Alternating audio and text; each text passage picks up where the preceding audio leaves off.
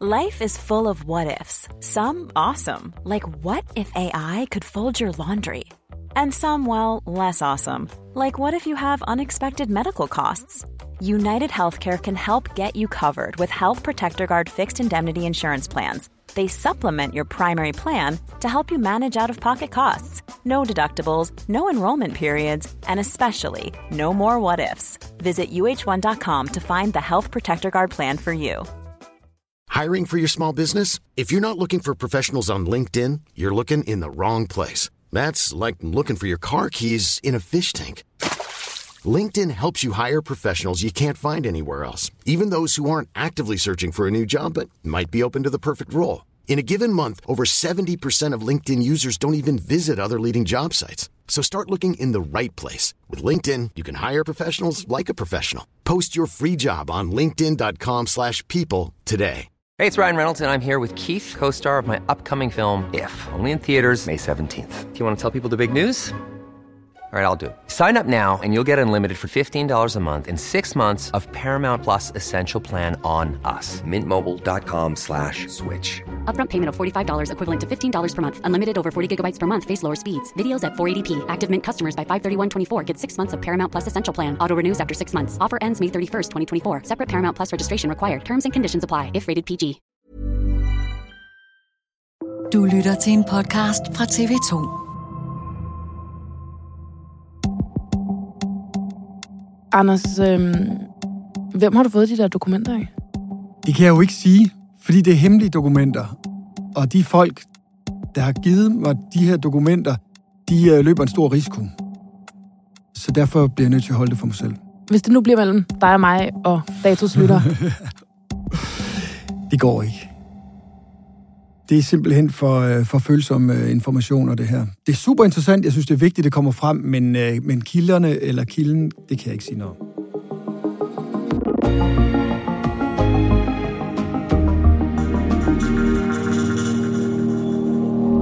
forsvaret af de danske grænser halter gevaldigt. Og derfor vedtog Folketinget tidligere på året en milliardinvestering, der skal styrke forsvaret markant de kommende år. Vi har jo ikke været enige om det hele, øh, men det er jo lykkedes øh, i samarbejdets ånd øh, at nå frem til en øh, balanceret aftale, som øh, jeg både er, er glad og stolt over, øh, og som gør noget rigtig, rigtig godt øh, for dansk forsvar. Indtil nu har det været hemmeligt, hvad milliarderne sådan helt konkret skal bruges på. Men TV2's forsvarskorrespondent, Anders Lumholdt, har som den eneste journalist fået fingre i seks fortrolige dokumenter. De viser, hvordan den øverste ledelse i forsvaret planlægger at bruge 101 milliard kroner de næste 10 år. Så hvad står der i dokumenterne? Og er de massive investeringer overhovedet nok til at sikre Danmark mod angreb?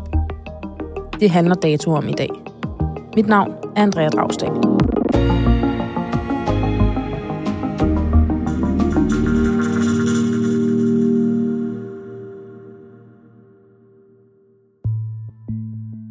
Anders Lumhold, sidste gang vi havde dig med for at fortælle om investeringer i forsvaret, det var i begyndelsen af maj.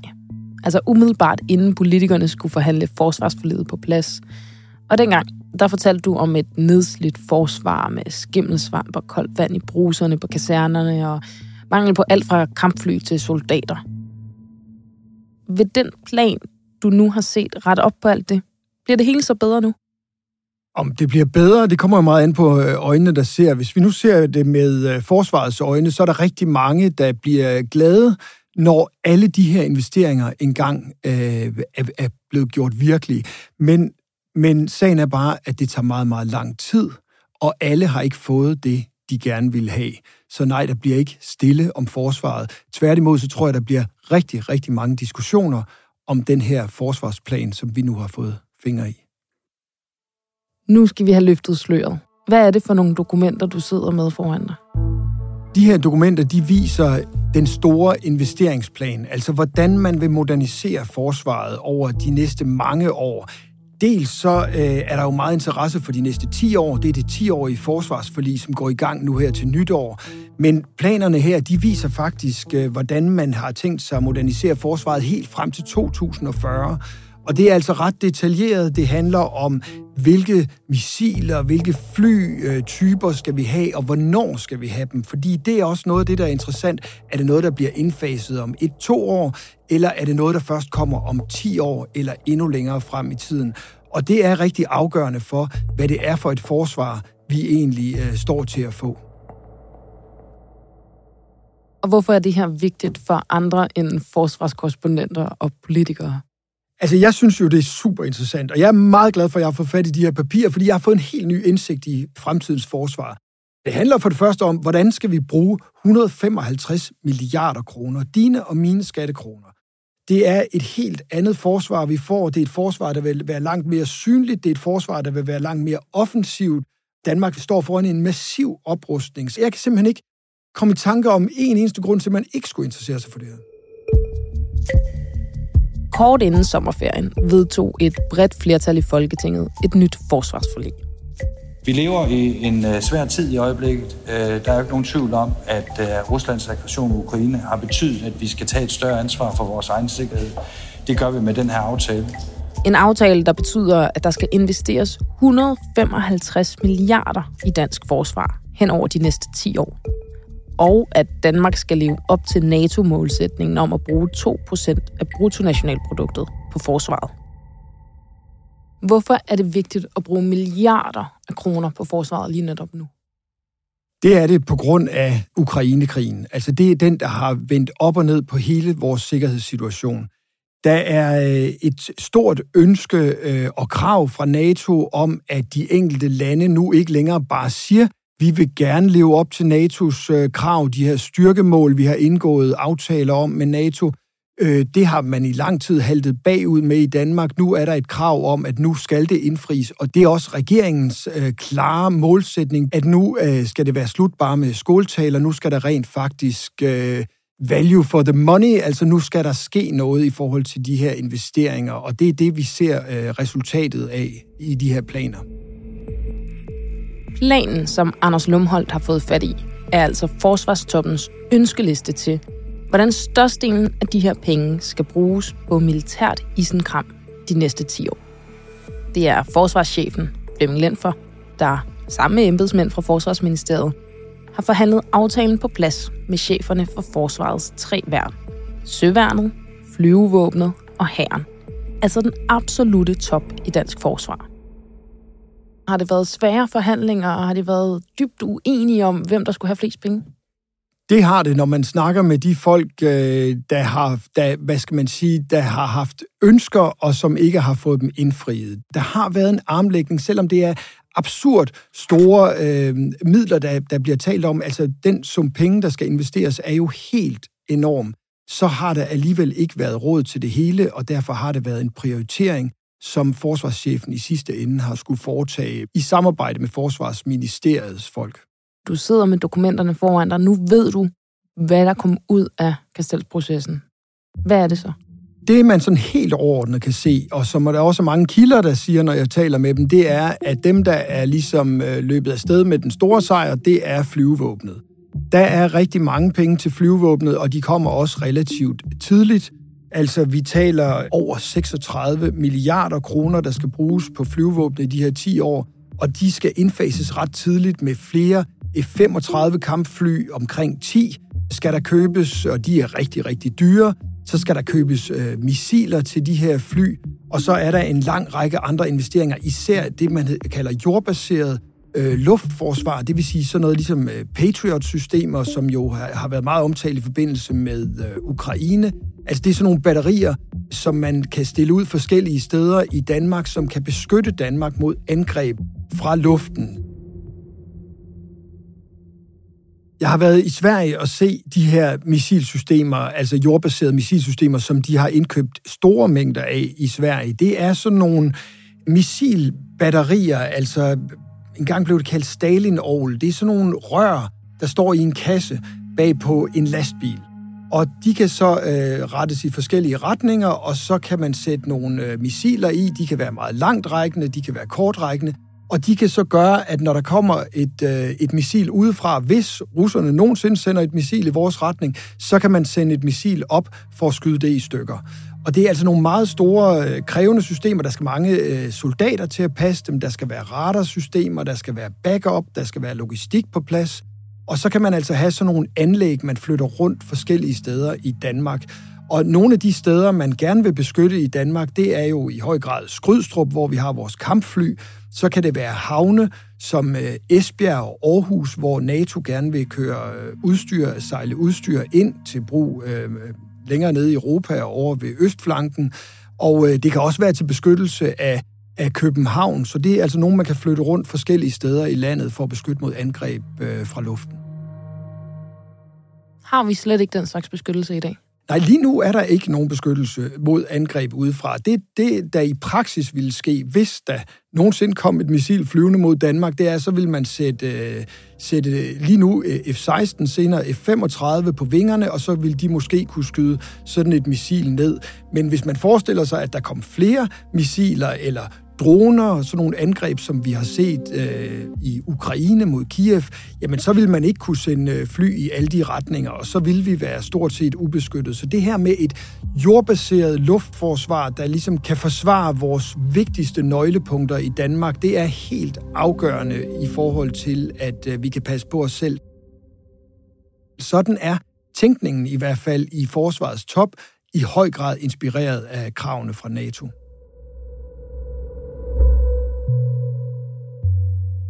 Og nye missiler er et gennemgående tema på forsvarets ønskeliste. For udover missiler, der kan beskytte Danmark, så er der også et ønske om, at Danmark køber 48 såkaldte strike-missiler. De er beregnet til at angribe fjendtlige mål. Er det et skifte i den strategi, man har i det danske forsvar i dag? At have missiler, der også kan angribe? Ja, altså dansk forsvar er midt i en, kæmpe omstillingsproces, fordi tidligere havde vi travlt med at, at sende soldater til Mellemøsten, Irak og Afghanistan. Nu skal vi passe på Danmark. Og det gør man jo i første omgang ved at have et forsvar af Danmark, og det kan være øh, missiler og krigsskibe og meget andet. Men så er den militære tænkning, er, at man er også nødt til at gå skridtet videre, hvor man ikke bare forsvarer sig mod indkommende missiler, men man også angriber de missilaffyringsramper, der er for eksempel i Rusland, hvor de her missiler bliver sendt afsted fra, fordi så kommer der jo slet ikke nogen missiler til Danmark. Og det er altså tænkningen, at vi er nødt til at have noget, så vi kan slå først, så vi kan på den måde eliminere truslen, inden missilerne er inde over dansk territorie. Det er sådan tænkningen er, og det er derfor, man, at der er pres på, at man også øh, køber de her offensive missiler, men det er også noget af det, der øh, kommer til at være stor diskussion om, fordi det er absolut ikke alle, især politikere, der synes, det er en god idé, og som synes, det er det, dansk forsvar skal kunne. Nej, det lyder lige netop som en langt mere offensiv strategi. Ja, det er i hvert fald, altså man tænker det jo ind som, at man, man er nødt til også at kunne angribe for at kunne forsvare sig selv. Så det er ligesom sådan næste led af den militære tænkning. Og det er jo sådan en optrapning, man har i militære kredse, at for at kunne forsvare os, så er vi også nødt til at kunne angribe. Men det er noget nyt i forhold til, hvad vi tidligere har set, øh, hvad der tidligere har været prioriteret i dansk forsvar. Og er der ellers noget, som vi skal lægge særlig mærke til? Nu er der så 36 milliarder til flyvevåbnet. Hvordan med resten af pengene? Jamen, der er masser at lægge mærke til, altså, fordi det er jo en ekstremt detaljeret plan. Det handler jo om, hvordan man øh, frem de næste 10 år kan bruge øh, godt 100 milliarder kroner, og faktisk går planen helt frem til 2040, og der kan man så læse, at der vil de bruge 140 milliarder kroner. Så det er ekstremt mange penge. Og det, man også kan læse ud af det, det er, at vi skal have øh, bruge rigtig mange penge på nye patruljeskibe til øh, Østersøen. Det er så nogen, der kan sejle rundt og blandt andet holde øje med kritisk infrastruktur, altså i forhold til øh, angreb på de her Nord Stream øh, gasledninger. Men så kan man også læse, at der skal bruges rigtig mange penge på hæren, men det er bare kommer meget, meget sent og hæren har slet ikke fået det, som de gerne vil have, fordi hæren har efterspurgt flere kampvogne, flere infanterikampkøretøjer, mere artilleri osv., og det har der altså ikke været råd til i den her plan. Men hæren står for rigtig mange udgifter, fordi hæren er langt det største værn. Der er rigtig mange soldater, så hvis de skal udstyres med noget nyt grej, så koster det bare rigtig mange penge. Hvis vi lige skulle gå tilbage til at forestille os, at vi er med inde på kastellet, vi er med inde i armlægningen om, hvem der skal have pengene, kan man så karikeret sætte det sådan op, at flyvevåbnet vandt, og hæren tabte, og hvem tabte ellers? Altså, nogen, der også er meget kede af det, det er jo i søværnet, hvor de har noget, der hedder inspektionsskibe. Det er dem, der sejler øh, Færøerne og Grønland. Det er nogle meget, meget gamle skibe, der konstant skal på værft, og som konstant skal opdateres og vedligeholdes osv. De skibe vil de rigtig gerne have udskiftet i en fart. Men det får de ikke. De får nye skibe fra 2031, skal de langsomt indfases, og langt ud forbi det her nuværende 10-årige forsvarsforlig. Så der er altså lange udsigter. Der taler vi ind i 2030'erne, før man får nye inspektionsskibe, arktiske øh, inspektionsskibe. Og det er noget af det, man er ked af i søværnet. Så der ligger nogle benhårde prioriteter til grund for det her, og det er langt fra alle, der har fået, hvad de gerne vil have. Anders, når nu der har siddet hele forsvarstoppen inde på kastellet og drøftet og diskuteret, hvordan pengene skulle fordeles, er det så alene udtryk for Danmarks ønsker, eller er det også en måde at blive ført af NATO? Er det også NATO, der går ind i virkeligheden og beslutter, hvordan Danmark skal bruge sit forsvarsbudget? Altså, NATO er den store skygge bag alt det her. Så der er ingen tvivl om, at det her det er i høj grad et produkt af de krav, der kommer fra NATO. Så det er jo i høj grad for at tilfredsstille NATO, det er i høj grad for at tilfredsstille USA, som har sagt, nu skal europæerne til at passe på sig selv, de skal kunne passe på Europa, fordi de skal ikke regne med, at vi længere kommer til at være til stede i Europa på samme måde og beskytte Europa. NATO har virkelig mange gange været kritisk over for Danmarks bidrag fordi vi ikke lever op til målsætningen om at bruge mindst 2% af vores bruttonationalprodukt på forsvaret. Den amerikanske præsident har forud for næste uges NATO-topmøde sendt breve til en række europæiske statsledere, heriblandt den danske, hvor han opfordrer dem til at leve op til målet om at bruge 2% af BNP'et på forsvaret. Er det her så nok til, at NATO siger, der var den? Jeg tror, vi har købt os nogle point i øh, NATO, helt sikkert. Og det har været en høj prioritet for regeringen, fordi nu kommer vi jo op på de 2 procent. Man gør det lidt med lodder og trisser, fordi man øh, i starten bruger man øh, en stor del af pengene på donationer til Ukraine, og ikke til dansk forsvar. Men det har man altså i regeringen en forståelse af, at det gør det også ud for forsvarsudgifter. Så på den måde kommer vi op på de 2% sådan set med det samme. Men altså, der er jo nogle meget store krav, som vi ikke kommer til at leve op til. Og det er især hæren. Altså det er det store smertensbarn i øh, dansk forsvar, fordi vi har den her udvikling af første brigade, som er hærens store slagnummer. Hærens knytnæve bliver det kaldt. Det er 4.000 soldater, der skal kunne stå kampklar og kunne sendes ud i NATO-operationer, for eksempel i øh, Baltikum. De skal kunne øh, være en selvstændig troppeenhed med alt, hvad det inkluderer luftværn og logistik og så videre. Og den første brigade, den har lange udsigter. Den skulle faktisk have stået klar med udgangen af i år. Det når vi overhovedet ikke. Det bliver nærmere omkring 7-10 år går der, før den er klar, og det er der også stor utilfredshed med i hæren. Så det du siger, det er, at det er ikke nok at leve op til 2% målsætningen. Det er ikke nok at afsætte milliarder. Man har også nogle helt konkrete mål fra NATO's side, nogle konkrete krav og kriterier til, hvordan pengene skal bruges. Og dem lever vi stadig ikke op til. Nej, og det er fordi, øh, at, det er simpelthen øh, meget svært at leve op til dem. Det tager mange år, og vi er så langt bagud, fordi vi har jo i lang tid med åbne øjne ikke levet op til NATO's krav. Og når det tager måske 5-10 år at indføre en ny kapacitet, altså en ny ting, som vi skal kunne, for eksempel med jordbaseret luftforsvar, jamen så er det jo ikke nok at sige, nu har vi pengene, nu vil vi gerne leve op til alle kravene. Det tager simpelthen enormt lang tid, og selvom vi har afsat så mange penge, så er der ikke nok til, at vi kan leve op til alle. Man taler om 17 centrale styrkemål, altså det vil sige vigtige krav fra NATO's side. Der lever vi lige nu kun op til to, altså fuldt ud lever vi kun op til to ud af 17 krav. Vi mangler altså 15, og hele øvelsen her har været at leve op til så mange styrkemål som muligt for de penge, der nu er. Med to ud af 17 mål opnået, så er der virkelig noget vej igen. Hvor meget tættere kommer vi på at gøre NATO tilfredse og leve op til de 17 krav med den her plan, du sidder med? Der er ingen tvivl om, at øh, hvis og når den her plan bliver til virkelighed, det tager 10 år, det er 10 år et forsvarsforlig, så øh, vil vi være langt tættere på. Altså, der vil være langt flere missiler, flere kampfly, jordbaseret luftforsvar osv., og det er klart, det er nogle af de vigtige prioriteter, så vi vil være langt tættere på at komme i mål, men vi vil ikke komme i mål med for eksempel hæren. Og det er stadigvæk et udstående, som, øh, som man simpelthen ikke øh, har penge og kræfter til at løse i den her plan. Men altså selvfølgelig, man vil være langt tættere på, og det vil være et helt andet og meget mere slagkraftigt og moderne forsvar, vi har, når det her engang, hvis det engang, bliver til virkelighed.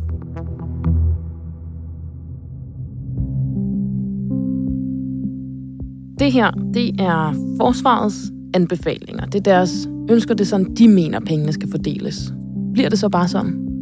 Der kommer helt sikkert til at være meget diskussion om det her, men langt hen ad vejen, så er forventningen, at det i store træk bliver sådan her.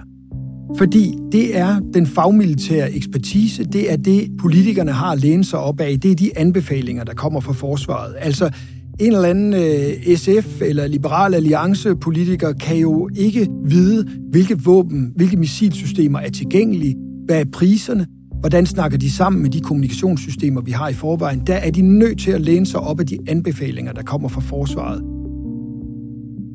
Hvis planen bliver godkendt, eller i hvert fald de dele af den, der kunne gå hen og blive godkendt, er det så bare fra forsvarets side at gå ud i det militære supermarked og fylde indkøbskurven? Det er det ikke, fordi rigtig mange af de her ting er svære at få fat i, og de kræver forhandlinger med våbenfirmaer osv. Der er virkelig gang i den derude på markedet. Altså priserne er ekstremt høje. Det kan være svært overhovedet at få lov til at købe forskellige systemer. Det er en meget, meget kompliceret proces at købe våben. Altså det er ikke ligesom at gå ud og købe en bil. Køb en bil, du kan køre i den dagen efter eller samme dag. Det her, det er nogle lange forhandlinger med alle mulige ting, der skal, man skal holde sig for øje. Plus, at man skal jo også have trænet folk til at bruge dem, og man skal have soldater nok til at bruge dem. Man skal have bygninger, bygningsmasse, logistik, lastbiler til at køre dem rundt osv. Det er et kæmpe puslespil. Hvad kommer du til at holde øje med herfra? Det bliver en super interessant diskussion, når politikerne skal til at godkende de enkelte investeringer. Og der kommer til at være ballade, der kommer til at være forskellige synspunkter, fordi man vil jo gerne have alle, eller et meget bred række af partier med. Man vil jo gerne have SF med, man vil gerne have Liberal Alliance, måske Dansk Folkeparti.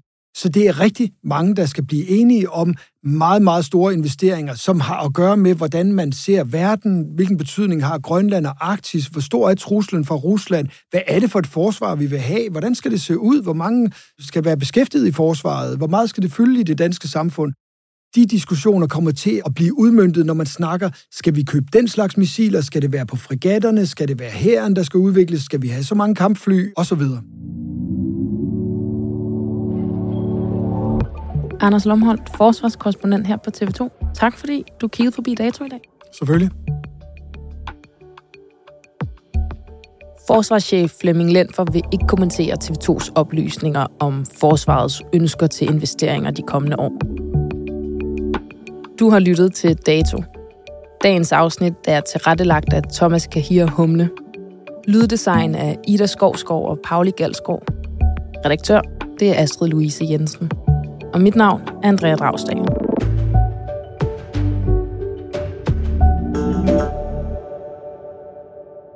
Du har lyttet til en podcast fra TV2.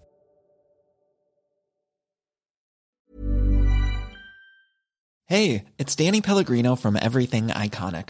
Ready to upgrade your style game without blowing your budget? Check out Quince. They've got all the good stuff shirts and polos, activewear, and fine leather goods, all at 50 to 80% less than other high end brands. And the best part? They're all about safe, ethical, and responsible manufacturing. Get that luxury vibe without the luxury price tag. Hit up quince.com slash upgrade for free shipping and 365 day returns on your next order. That's quince.com slash upgrade.